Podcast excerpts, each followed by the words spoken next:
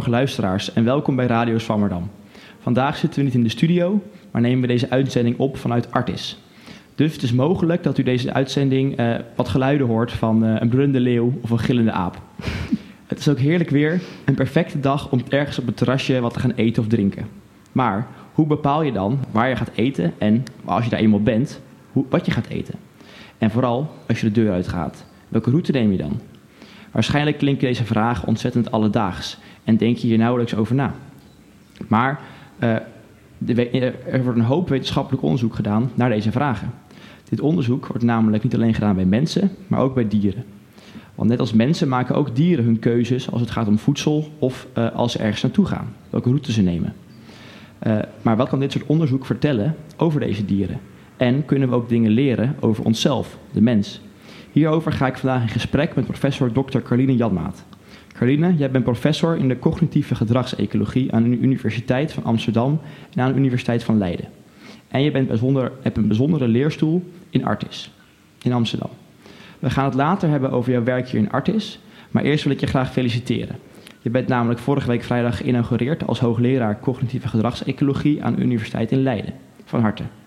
Maar zou je mij kunnen uitleggen wat ja, het vak cognitieve gedragsecologie precies inhoudt? Ja, dankjewel. Um, goh, um, nou ja, waar ik eigenlijk onderzoek naar doe, uh, dat is ook, was ook even de titel van mijn uh, inaugurele reden.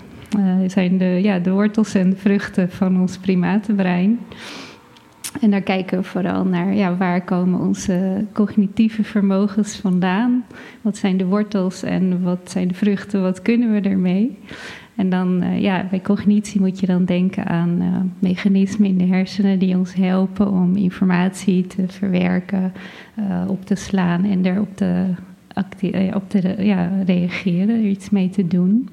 En daar kijken, ja, vooral gedragsecologen kijken vooral veel naar de, de context waarin dieren cognitie gebruiken.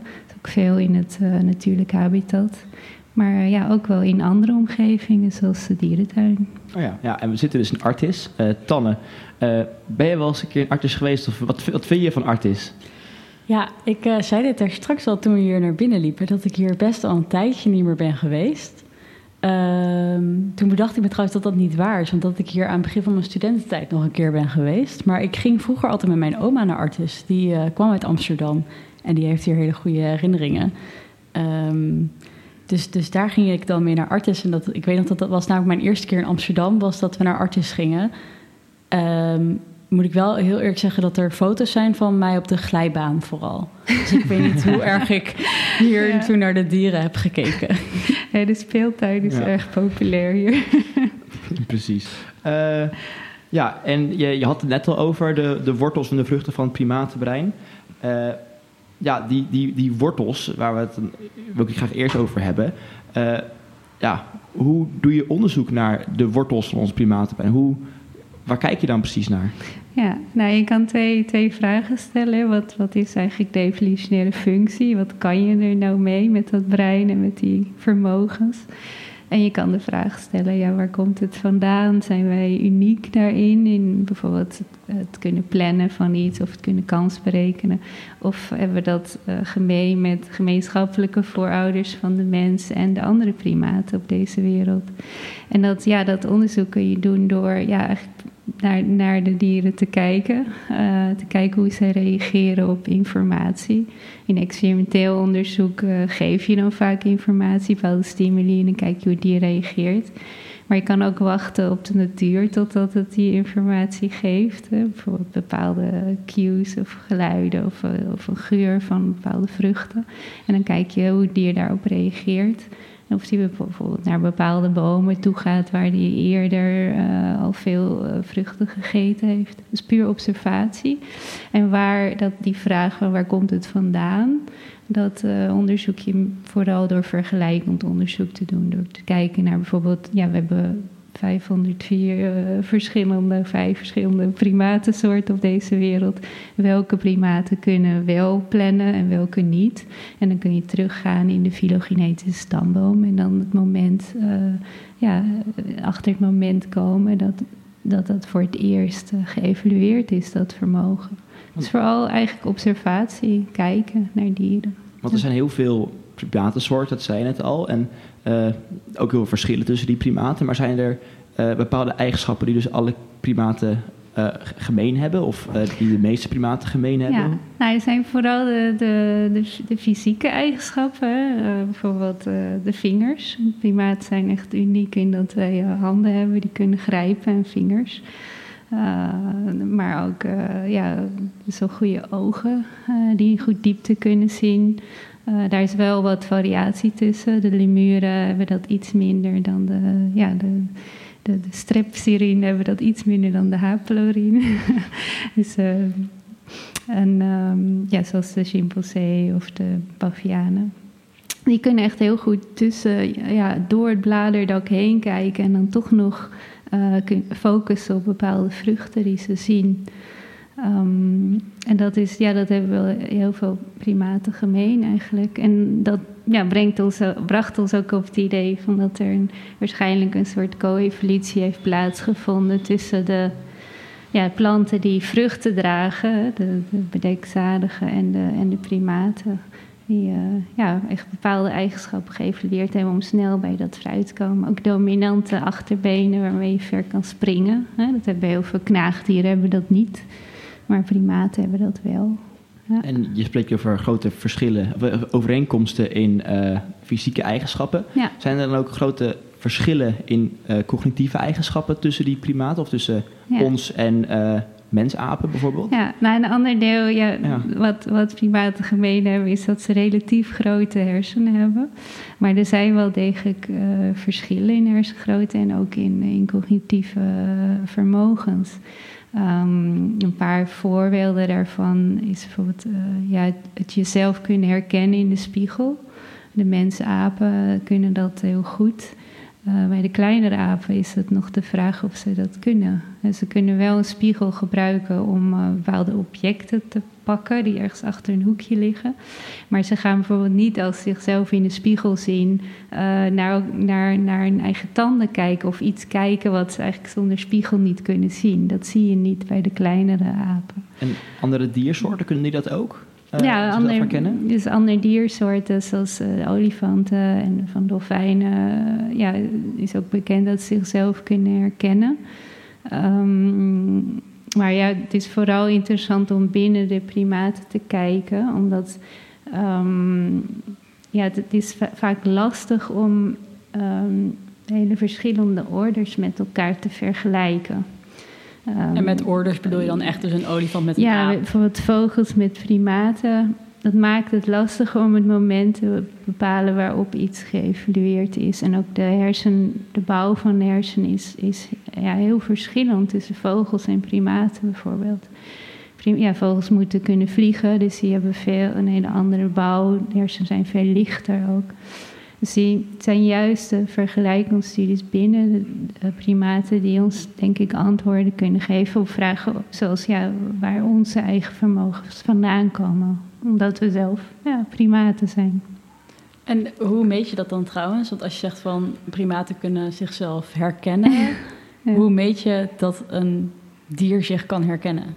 Ja, er zijn dan allerlei, uh, ja, methodes voor. Uh, een van, ik ben daar zelf niet zo heel erg in thuis hoor, in dat, dat soort onderzoek. Maar uh, een van de oudere methoden, zoals het plaatsen van, van een onzichtbare stip op, op uh, het voorhoofd van een individu. En dan kijken of, of hij, ja, die stip zou die dan niet moeten kunnen voelen. Dat is wel heel belangrijk. Maar als hij dat dan ziet en hij raakt het vervolgens aan, is dat de indicatie voor dat hij herkent dat die stip bij zichzelf hoort of bij henzelf hoort. Um, dus dat zijn onder andere manieren.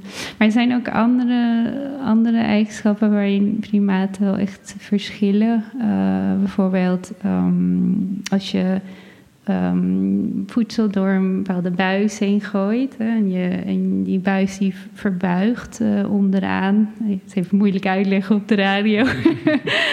maar uh, die, ja, waardoor het voedsel eigenlijk niet recht naar beneden valt. Dan uh, zijn, zie je bij heel veel kleinere apen dat ze toch hun handje recht onder die plek houden waar het voedsel valt. Terwijl uh, bij andere primaten ze wel doorhebben dat het voedsel een andere weg gaat belopen. En daarom hun handje wel echt bij de uitgang van de buis houden. En dat zijn wel echt hele duidelijke verschillen. Uh, wat te maken heeft met het begrip van, uh, ja, van, van materiaal, van causale verbanden onder andere. Ja. ja. en jij, we hadden het net al over uh, experimenteel onderzoek, maar jij bent meer gespecialiseerd in observationeel onderzoek. Ja. Uh, en in het begin van je carrière heb je heel veel tijd besteed uh, in het buitenland, in natuurlijke leefomgevingen van veel primatensoorten. Ja. wat heb je daar voor onderzoek gedaan en wat, is daar, wat heb je daar ontdekt? Ja, ja, nou ja, we hebben vooral heel erg gekeken naar de interactie tussen planten en, en primaten. Dus echt de ecologische kennis van de dieren. Dus wat weten zij van hun voedselbomen eigenlijk? Daar heb ik vooral uh, aan gewerkt. En uh, ja, kunnen zij inschatten uh, welke bomen op welk moment vrucht dragen. En hebben we onder andere kunnen aantonen dat primaten kunnen kans berekenen. Dat ze weten dat, uh, in, uh, dat voor bepaalde fruitsoorten uh, ja, het merendeel van de bomen tegelijkertijd simultaan vrucht draagt. Terwijl bij andere soorten dat ja, asynchroon plaatsvindt. En zoals bij vijgen bijvoorbeeld. En dan, ja, als je die kennis hebt, Um, dan, uh, dan ja, kun je dus zien aan de dieren dat ze vooral naar die bomen gaan die simultaan uh, vrucht dragen. Als ze bijvoorbeeld uh, zo'n vrucht ontdekken, bijvoorbeeld mango, ze zien ergens een mangovrucht. Dan zie je ze vervolgens naar andere bomen gaan om daar te inspecteren of daar voedsel is.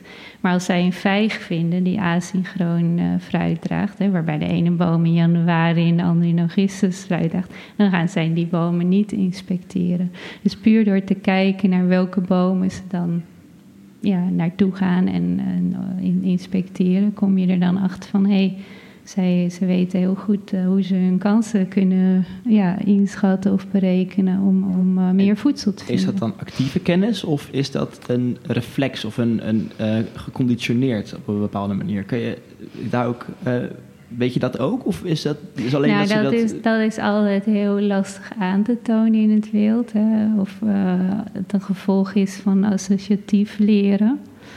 Um, en dat maakt het soms ook al lastig om mijn uh, werk te publiceren. Want er waren altijd mensen van ja, het is, het is geen hogere cognitie, het is gewoon het leren van associaties. Uh, maar bijvoorbeeld bij het onderzoek naar planning, waarbij we hebben aangetoond dat ze ja, toch echt wel flexibel kunnen plannen. Ze staan bijvoorbeeld vroeger op voor bomen waar, waarvoor meer concurrentie is, die, die populairder zijn. Uh, Want, en vooral uh, als de, die. Voor de ja, mensen die niet ja. weten waar het over gaat, een chimpansee maakt een nest. Echt een. Net als een vogel eigenlijk, en zijn nest maakt. Ja, ja, dus die maken net slaapnesten. Dat kan je in Artes ook zien. Als je om eh, iets van vijf uur komt kijken, voordat, net voordat Artes sluiten, kan je ze ook nesten zien maken. En ehm, ja, dat, dat doen ze op bepaalde plekken. en ook, eh, ze verlaten die nesten dan ook op bepaalde tijden. En voor, er zijn ja, heel veel vruchten waarom heel, waarvoor over heel erg geconcurreerd wordt, waar je echt snel bij moet zijn. En dan zie je dus dat ze vroeger opstaan, maar alleen als die bomen ver weg staan. Dus dat houdt in dat ze niet alleen rekening houden met wat ze gaan eten, maar ook hoe ver ze weg zijn. Dus echt flexibel plannen. Nou, en daar kwam wel kritiek op van andere wetenschappers die zeiden van ja, maar het is gewoon associatief uh, leren. Maar ja, dan, dan ja, antwoord ik dan weer met, met ja, op, ja, door te zeggen eigenlijk van je, moet het zien als een soort schaak, schaakspel. Hè? Van waar, welke set doe je, wat ga je doen? Uh, natuurlijk kun je ook al die, al die, die zetten via associatief leren uit je hoofd leren. Maar dit is meer te vergelijken met een schaakbord waarbij ook de toren en de koningin nog steeds ergens anders gaan staan. Want er continu veranderen er dingen in het bos. En zij slapen nooit op dezelfde plek. En ja, die, elke keer is de, de, de weg er naartoe is anders. En de boom die ze bezoeken is anders. Dus het is dan wel heel lastig om met puur op gebaseerd op associaties ja, te, te, ja, voedsel te vinden. Dan is het eigenlijk ja, cognitief misschien minder belastend om gewoon te plannen en je hogere cognitie te gebruiken. Maar is het dan, ehm, zagen jullie dan verschil tussen leeftijden? Dus hadden jongere apen, ik weet niet of je dat makkelijk kan zien van de buitenkant, maar hadden jongere apen daar bijvoorbeeld meer moeite mee nog dan de oudere apen? Ja, nou ja, dat, dat konden wij eigenlijk niet uh, aantonen. Dat is ook wel lastig. Uh, onder andere bij chimpansees. Uh, wij volgden dan vijf volwassen vrouwtjes. Um, voor ja, elk, ja, in totaal iets van ja, 275 dagen die vijf vrouwtjes gevolgd.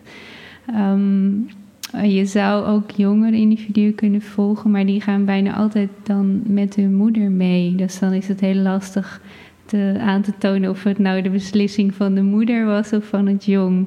Dus het zou eventueel wel kunnen als je met, het zijn een aantal weesjes waren er in onze in de, eh, de groep waar die we bestudeerden. Dus dat zou kunnen. En dat zou ook heel interessant zijn. Maar dat hebben we tot nu toe nog niet uh, onderzocht. Nee. Uh, en naast onderzoek bij uh, chimpansees heb je ook onderzoek gedaan bij mangabees. Ik weet niet hoe ze in het Nederlands precies uh, genoemd worden. Ja. kwam daar hetzelfde uit? Of deden, hebben die, die tonen die hetzelfde patroon als chimpansees? Ja, nou ja, hebben ook relatief grote hersenen. En daar vonden uh, onder andere ook dat zij uh, ja, kans konden berekenen. En vooral naar de soorten gingen die simultaan fruit dragen in het begin van het seizoen. Als je niet weet waar het, waar het fruit is. Um, daarbij hadden we ook nog de mogelijkheid om te bestuderen of zij rekening hielden met het weer. Want dat was, dat was in Oeganda en daar was best wel wat fluctuatie in de temperatuur. Dus het ligt dus vrij hoog gelegen in Kibale National Park. Um, en dan konden we echt zien dat, uh, ja, op, we konden echt testen of, ja, we weten dat op de warme dagen het fruit sneller rijpt. Dus dan konden we kijken naar de intervallen, van wanneer zijn ze daar voor het laatst geweest. En is de kans groter dat ze terugkomen als het uh, in de tussentijd warmer is geweest. En dat bleek dus zo te zijn. En dat was, ja, dat was heel leuk om, uh, om uh, aan te kunnen tonen. Maar dat, dat kon niet bij de chimpansees in, uh, in forkers, want die temperatuur die fluctueerde eigenlijk niet, ja. niet genoeg.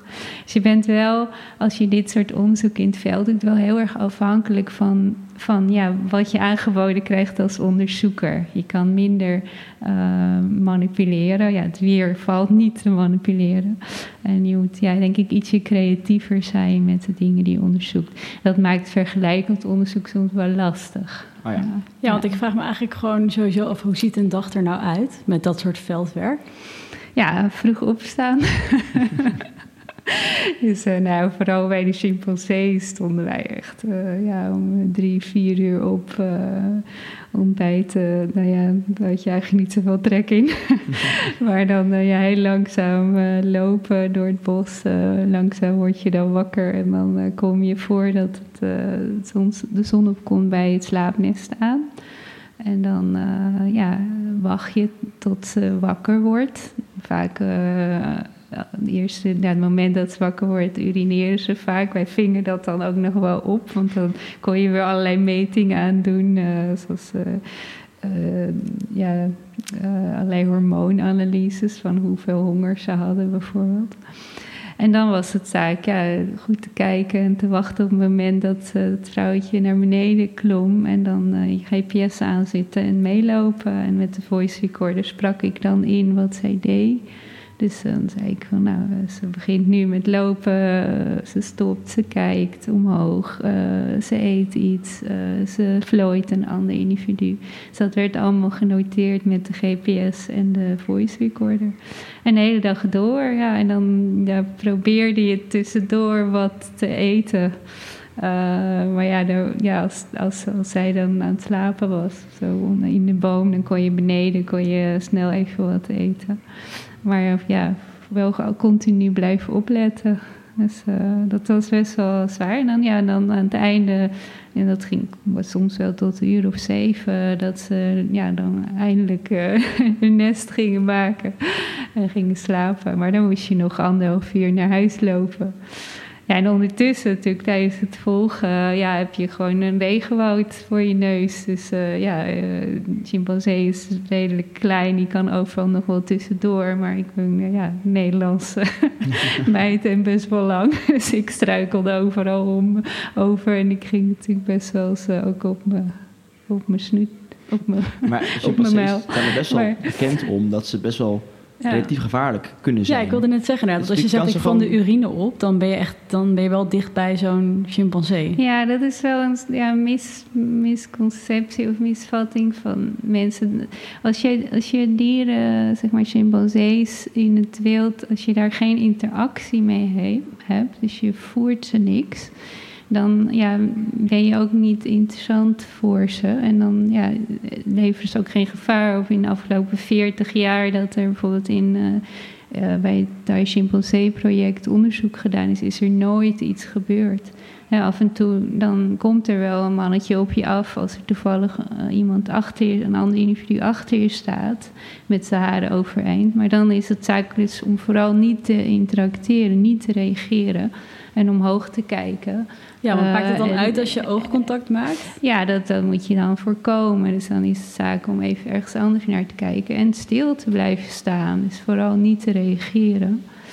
En dan, ja, dan zien ze je ook niet als. Dan ben je gewoon een van die andere dieren die ook in dat bos loopt, waar ze verder ook niet zoveel aan hebben, maar die er wel af en toe is. En ook, kan ook wel handig zijn, want ze jagen luipaarden bijvoorbeeld weg.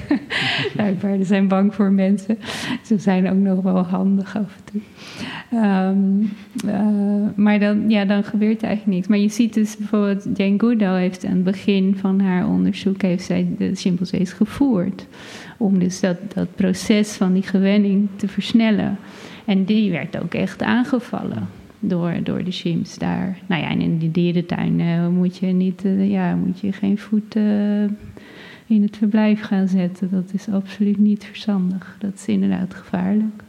Maar ja, in het wild niet. Dat, gorilla's, bij gorilla's is dat anders. Daar zijn wel gevallen bekend waarbij onderzoekers wel zijn aangevallen. Maar dan is het vaak in situaties waarbij het mannetje schrikt. Waarbij je het, ja, een individu echt hebt laten schrikken. Um, dan kan dat wel gebeuren, maar het is echt sporadisch. En die onderzoeken, ja, die worden in het wild gedaan, in een tropisch regenwoud, waar de dieren gewoon nog op een natuurlijke manier leven. Ja. Uh, zijn dat beschermde natuurgebieden of hoe moet je dat voor je zien? Uh, Wordt daar uh, gekapt, gejaagd? Of? Ja, nou, het zijn waar, waar ik werkte, Kibale National Park, Thai National Park, waar allemaal natuur, ja, natuurparken, dus beschermde gebieden. Maar goed, uh, daar werd ook wel illegaal gejaagd. En er werd ook wel eens wat illegaal gekapt. En uh, ja, dus dat, is, dat blijft toch lastig. Uh, wat wij dan als onderzoekers deden, was we hadden goed contact met de rangers. Dus als er vooral op de feestdagen veel gejaagd werd, dan uh, ja, namen wij met de radio contact op en dan gaven we ook locaties door. Dus op die manier probeer je dan als, als onderzoeker ook wel mee te helpen aan de bescherming van de dieren. Dus dat is ook, ook wetenschappelijk ook aangetoond dat juist op die veldwerksites waar onderzoekers werken, er minder uh, stroperij plaatsvindt. Ja. ja, en naast onderzoek bij uh, bij mensapen die in het uh, tropisch regenwoud leven, heb je ook onderzoek gedaan bij uh, mensen die nog in het tropisch regenwoud leven. Ja. Uh, als ik het goed uitspreek, de Benjele. Mm -hmm. En die leven nog, ja, misschien kun je het beter zelf vertellen. Hoe ziet hun leven eruit?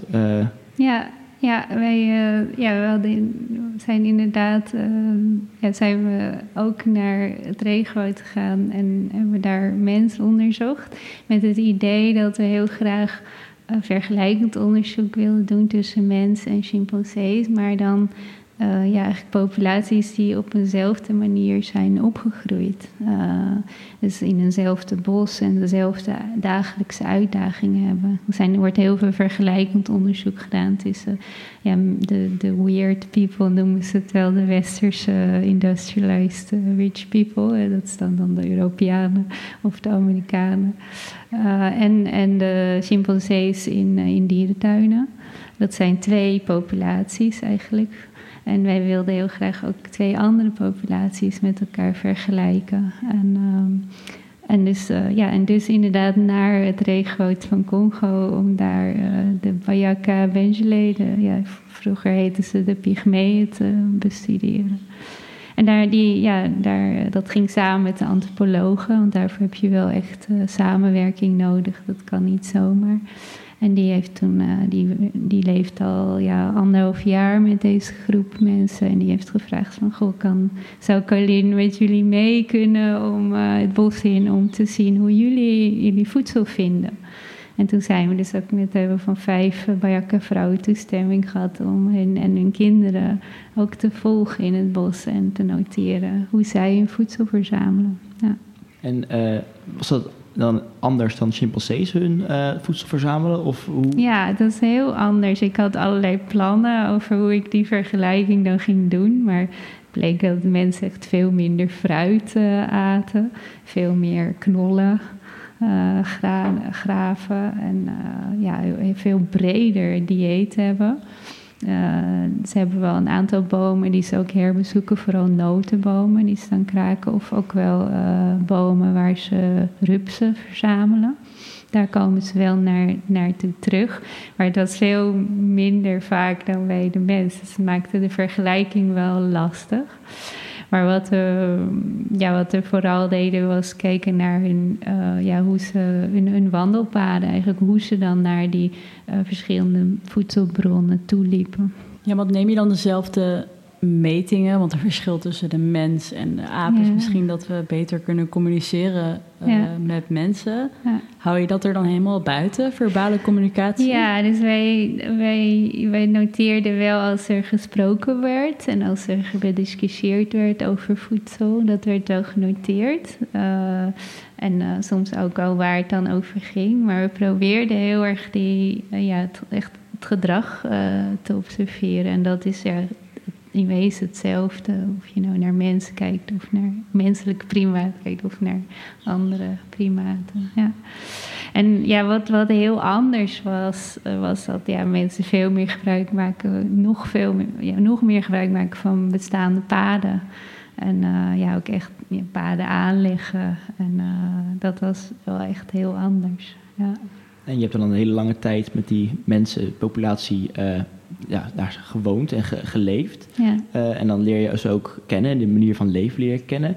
Uh, zijn er grote verschillen met hoe wij hier in, in Nederland leven als hoe zij met elkaar omgaan? Ja, dat was wel heel erg anders.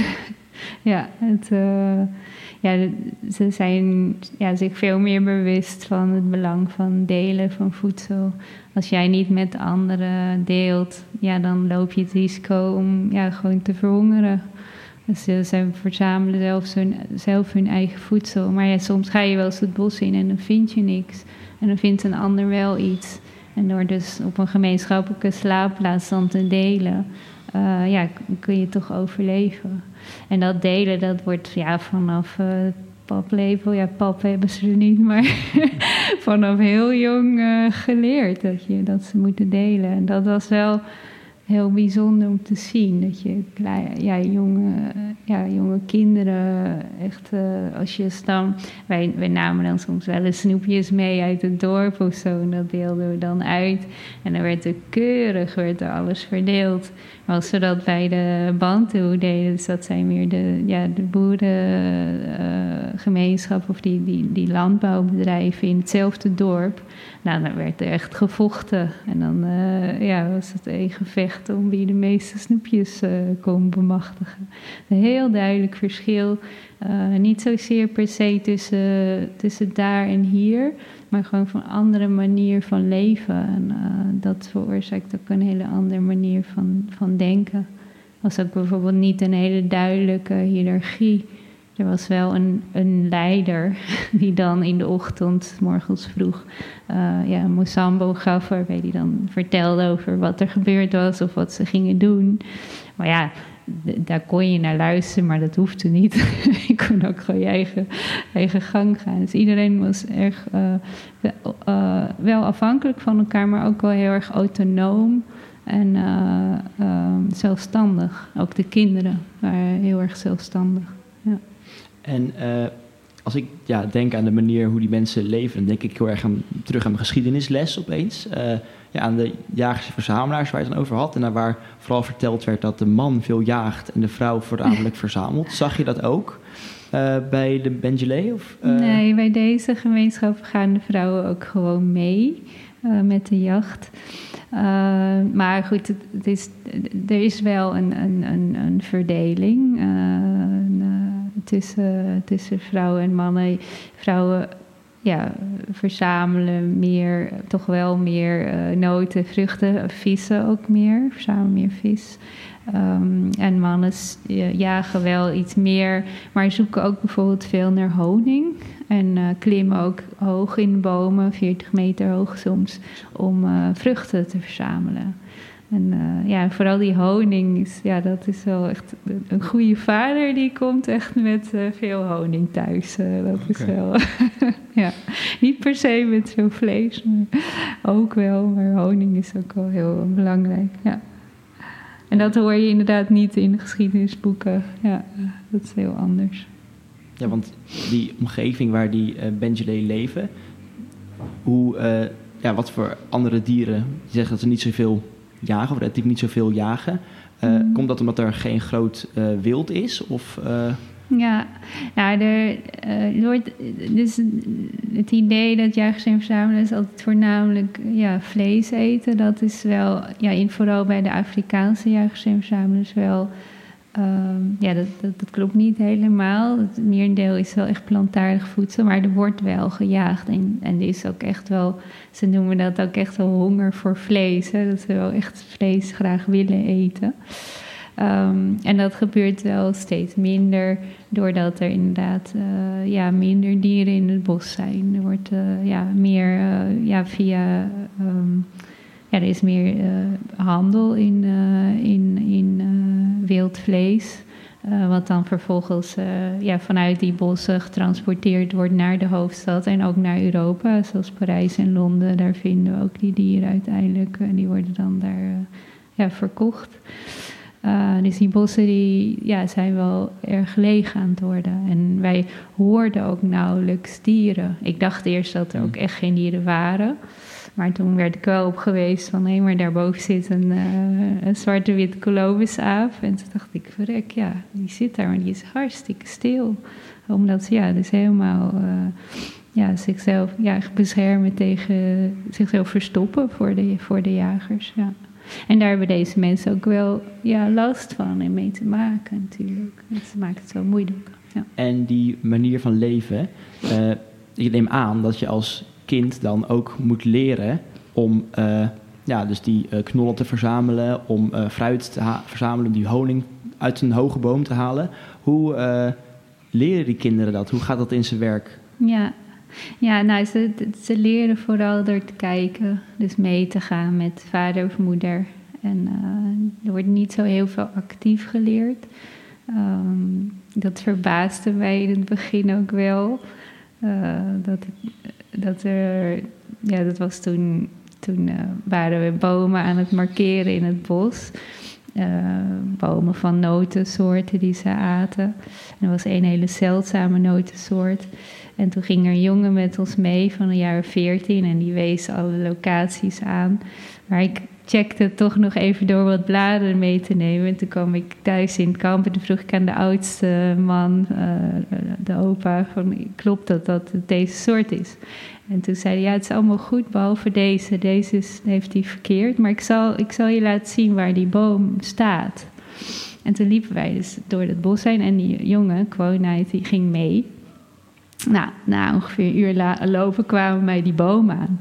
En toen dacht ik van, nou, dan gaat hij wel iets vertellen over waarom dit die soort is en die ander niet. Maar hij kwam daar aan en hij zei, nou, dit is uh, Mokomberre, zo heette die boom. En hij ging zitten en hij ging een sigaretje roken. en er werd niks uitgelegd. Maar ja, goed, die jongen die keek wel en die zag wel van... oh ja, dit is inderdaad een andere boom. Dus door te kijken wordt er veel eh, geleerd ook, ja. Oké, okay. ja. Nou, en nu heb jij, uh, uh, ja, laat ik zo zeggen, je, je jungle outfit ingeruild uh, voor een, een, een, leerstoel in Artis. Ja. dat is ook iets heel anders. Want ja, nu kijk je niet naar wilde dieren of naar mensen die in hun in een tropisch regenwoud leven, maar kijk je naar dieren die in gevangenschap leven. Hoe verschilt dat van wilde diersoorten? Ja. Nou, het verschilt natuurlijk. En, maar ik vind het zelf heel erg interessant om te kijken. Ja, ik zie de dieren in Artes ja, ook eigenlijk als een, ander, een andere populatie van dieren. Die in een, ook weer een hele andere omgeving opgroeien en leven. Net als dat je ja, uh, bijvoorbeeld chimpansees in de regenwoud hebt of in de savanne. Maar dan heb je ze ook in, in, in een dierentuin. En uh, ja, het is natuurlijk een hele andere situatie. Ze krijgen vanzelf hun voedsel, hoeven weinig zelf te verzamelen. Er zijn geen uh, luipaarden of roofdieren.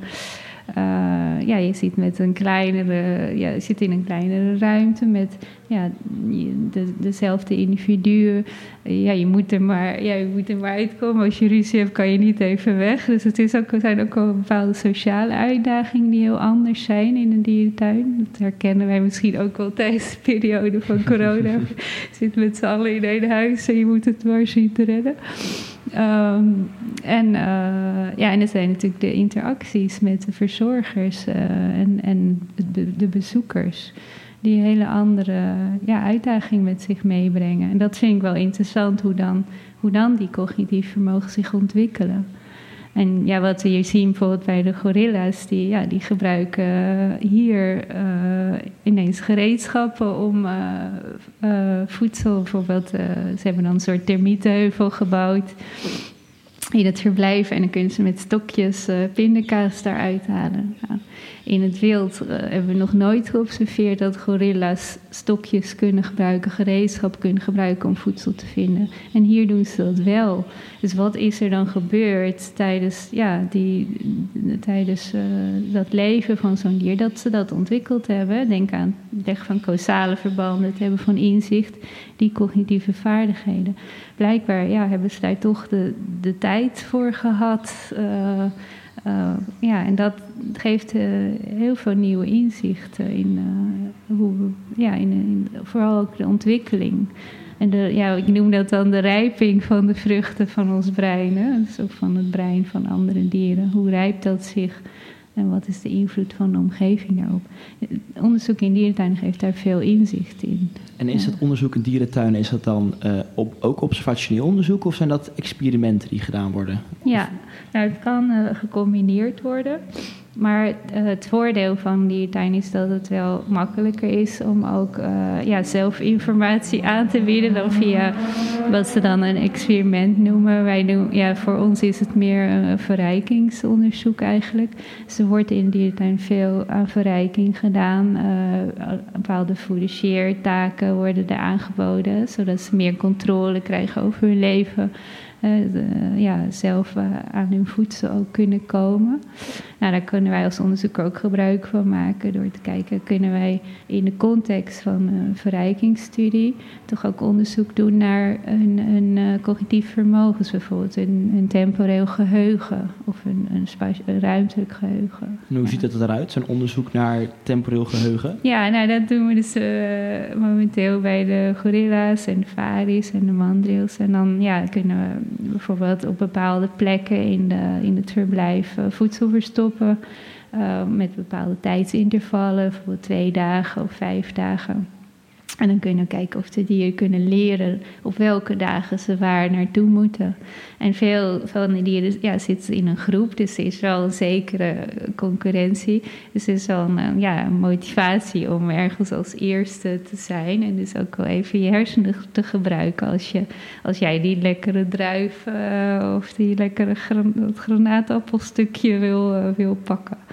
Dus uh, dat kunnen we dan onderzoeken, of uh, welke individuen dat dan kunnen leren en hoe lang dat duurt. Ja, in hoeverre kun je um, situaties die je in het wild ziet hier simuleren? Dus proberen jullie dan ook wel eens diezelfde vruchtenbomen ja.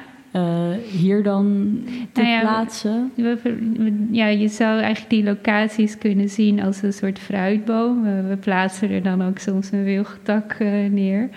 eh, waar ze dan, ja, net als in, in het regenwoud eigenlijk ook moeten leren van... oké, nou hoeveel dagen moet ik terugkomen? Na hoeveel dagen is het voedsel rijp? Er zijn heel veel analogieën. Maar ook bijvoorbeeld eh, kunnen onderzoeken of ze weten wanneer een seizoen gestart is. Hè? Als je bijvoorbeeld eh, ja, bananenbomen, dan niet de echte, even tussen aanhalingstekens, bananenbomen introduceert in, in bijvoorbeeld een chimpanseeverblijf. En je laat dan bananen zien, wat, er, wat de verzorgers dan ook eh, hebben gedaan. Die hebben echt geweldig meegeholpen, ook met het onderzoek. Dan kun je kijken van, nou gaan ze dan naar die plekken toe waarvan ze weten dat daar bananen verstopt waren. En dat heb je natuurlijk in het wild ook. Als ze een mango-vrucht zien, dan gaan ze dan ook zoeken naar die bomen. Dus dat zijn hele mooie analogieën die je kan maken. Maar we proberen ook wel echt wel ehm, ja, eh, natuurlijk voedsel meer aan te bieden, nieuw voedsel. Eh, ja, in dierentuinen zie je toch dat dieren veel ja, gecultiveerd voedsel e- eten, eigenlijk menselijk voedsel, onze, onze vruchten en onze groentes. Maar ja, ze hebben toch wel behoefte aan veel vezels ook wel. Ze hebben bijvoorbeeld een leuke samenwerking met hortus, die dan, eh, waar we dan mooie palmbladeren krijgen. Idee is uh, Guinensis palmbladeren, waar dan vervolgens de chimpansees eh, lekker van kunnen eten, zodat ze toch iets nieuws krijgen. En dan eh, is het natuurlijk heel interessant om te kijken wie eet dat dan wel en wie niet. Hè? Dus in Artes is nog, eh, zijn nog twee chimpansees die eh, ja, in het wild geboren zijn. Dat is ja, onze, onze erfenis. maar die, ja, die, die zijn, dat is heel leuk om te kijken of zij die, die, die vruchten dan herkennen. Dat zijn ge- ja, heel intrigerende onderzoeken. En is dat vaak zo? Zie je een Nou, verschil? de oudste, eh, Margot, die eh, eet wel eh, veel meer dan de andere. van, een alleseter. van, het nieuwe, van het nieuw voedsel, of voor de ander nieuw voedsel, maar voor haar wellicht bekend voedsel. Ja.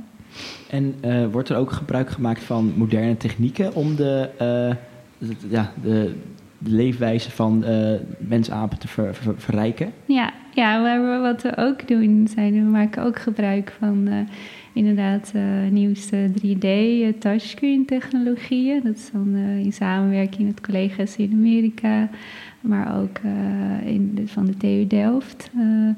Eh, studenten die een soort van virtuele trailingbossen genereren, gebaseerd op de data die ik dan in het veld heb opgehaald. Eh, we hebben iets van 15.000 voedselbomen eh, in kaart gebracht.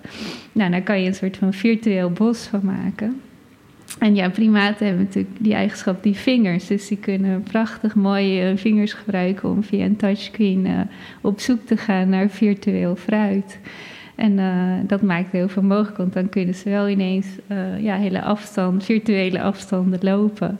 En eh, die data die eruit komt zijn de XI-coördinaten. Die zijn vergelijkbaar met wat ik aan data in het veld verzameld heb. En ja, dat maakt heel veel meer mogelijk. Maar het geeft ook te- tevens weer die controle aan die dieren. Van ze, kunnen, ze, hebben zelf, ze kunnen zelf naar hun voedsel zoeken. En dat is denk ik heel belangrijk ook voor hun welzijn. Want als ze dan een bepaalde boom bereikt hebben, krijgen ze ook een bepaalde ja, beloning. zoals inderdaad, een, we hebben dan appelbomen en bananenbomen.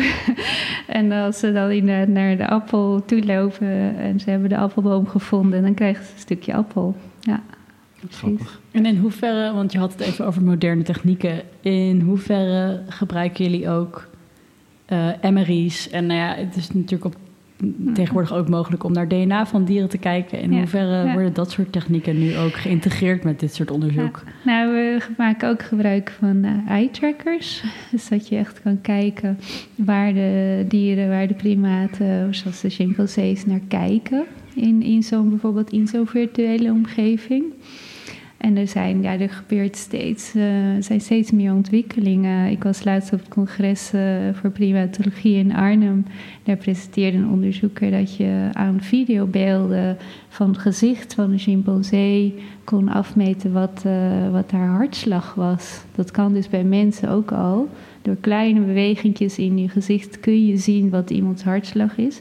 Maar dat werkt dus ook bij chimpansees. En daardoor kan je op een hele ja, non-invasieve manier toch dingen te weten komen over wat er in zo'n dier omgaat. En waar, ja, wat hij bijvoorbeeld spannend vindt, maar ook misschien wel leuk vindt. En of hij die digitale uitdagingen ook, of je daar ook plezier aan beleeft. Dat, dat zou natuurlijk heel mooi zijn als we, dat, als we daarachter kunnen komen. En onder andere Mariska Kret doet daar ook van de Universiteit van Leiden, een collega van mij doet daar veel onderzoek naar. Van hoe, hoe, ja, hoe kom je achter die interne wereld ja, van zo'n dier? Hoe, hoe, hoe, kom je erachter wat er in zo'n dier omgaat? Ja. ja. en naast dat je ook onderzoek doet bij dieren hier in Artis, doe je ook onderzoek bij mensen in Artis. En dat vond ik dus het alle, alle fascinerendste. Zou je daar iets meer over kunnen vertellen? Ja, nou ja, mensen zijn ook privaat inderdaad. En juist die vergelijking is heel interessant. En, uh, ja, en we doen inderdaad ook, uh, vragen ook aan bezoekers om mee te doen. Uh, onder andere in het Grote Museum kunnen bezoekers meedoen. En ook ja, in, een, via, in een virtueel bos naar vruchten zoeken. En dan zijn we heel erg geïnteresseerd in vragen ja, over irrationeel gedrag. als je naar voedsel zoekt, krijg je heel veel informatie. Maar welke informatie ja, gebruik je en welke negeer je? Hou je vast aan, wat je, aan de bekende kennis of ga je een nieuwe weg in? En in welke context doe je dat dan? En dat onderzoeken we dan onder andere met mensen. En kan je dan die data van het bos naast de data van de mensen, van de, van de chimpansees, kan die naast de data van de ja, mensen dus dat is, dat is de bedoeling. En dat is het voordeel van zo'n virtuele omgeving, die kan je echt identiek maken. En dus heb je precies dezelfde omgeving waar je je mensen versus uh, chimpansees test. Wij doen ook heel, heel, weer heel ander type onderzoek. Dat valt een beetje buiten mijn leerstoel, maar ik heb daar wel heel veel interesse in. Uh, het project Dieren in de Lens, uh, waarbij we kijken naar uh, ja, wat het kijken naar dieren met mensen doet. Dus op die manier proberen we dan te registreren wat mensen. Ja, we vragen ze dan om filmpjes te maken van de dieren in.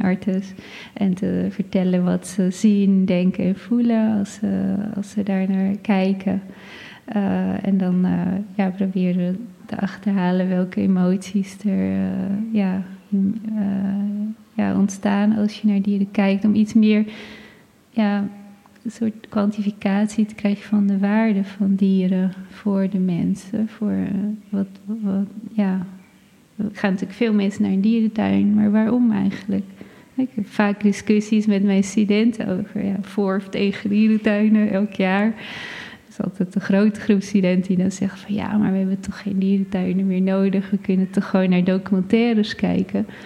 Maar is dat nou zo? Hè? Is dat nou hetzelfde? En, en creëert dat nou eenzelfde band tussen mens en dier als een dierentuin? Dat vind ik wel een hele interessante vraag. Ja. ja. ja. En uh, nou, we zijn bijna aan het einde gekomen ja. van ons interview. Uh, maar uh, voordat we het gesprek afronden, heb ik nog één vraag voor jou. je bent dagelijks sta je in contact met dieren en dierlijk gedrag, maar ook heel vaak met, met mensen. En dat gedrag vergelijk je dan ook met elkaar. Maar ik vroeg me dus af, zijn er in jouw ogen daadwerkelijk verschillen tussen mensen en dieren? Of lijken we in eerste instantie toch meer op elkaar dan we eigenlijk zouden denken? Hm. Ik denk dat we meer op elkaar lijken dan we, dan we willen denken. Oké. ja, natuurlijk zijn er verschillen. We hebben ja, de menselijke taal, daar kunnen we heel veel mee. En die is ook heel belangrijk, denk ik, voor de toekomst uiteindelijk. Hè? Van hoe gaan we met deze aarde verder? Dan zullen we toch met grote groepen mensen moeten communiceren om, om iets te veranderen. Uh, um, maar heel veel dingen hebben we gemeen. Ze vermogen tot planning, hebben echt een evolutionaire geschiedenis. Maar ook uh, ja, hoe vermogen tot zelfcontrole, dat komt ook, ja, hebben we ook ge, gemeen met, met de andere primaten. Uh, ja, we vinden het toch uh, lastig om ja, iets in te leveren nu. We, we pakken toch die lekkere appel. ja, ondanks dat we weten dat het niet goed voor ons is, voor de aarde. Ja. Um, maar die realisatie is denk ik heel belangrijk. Dat we weten, van dat, dat zit heel diep in ons. dat onvermogen tot zelfcontrole. Maar wat doen we daar dan mee? En, uh, en daarom denk ik dat onderzoek naar primaat ons heel veel kan leren, ook over hoe we verder kunnen in deze wereld. Ja. Ja, ja. Nou, hartstikke bedankt uh, ja, voor je tijd. Graag, Graag wil ik ook Tanne van der Wal bedanken uh, voor haar bijdrage als technicus en mede-presentator. Uh, u kunt altijd reageren op onze uitzending via Facebook, Instagram of Twitter. Mocht u altijd op de hoogte willen blijven, dan kunt u ons daar ook volgen. Uiteraard kunt u ook nog gewoon mailen naar redactie.radioswammerdam.nl. Deze uitzending komt later vandaag online als podcast op alle podcastkanalen zoals Spotify, iTunes en Soundcloud. Volg ons daar ook als u nooit meer een uitzending van ons wil missen. Dit is alweer de laatste uitzending van Radio Swammerdam voor het einde van het seizoen. Na een zomerstop zijn we halverwege september weer te horen op Radio Salto. Mijn naam is Thomas Verhagen en ik wens u een hele fijne zondag toe.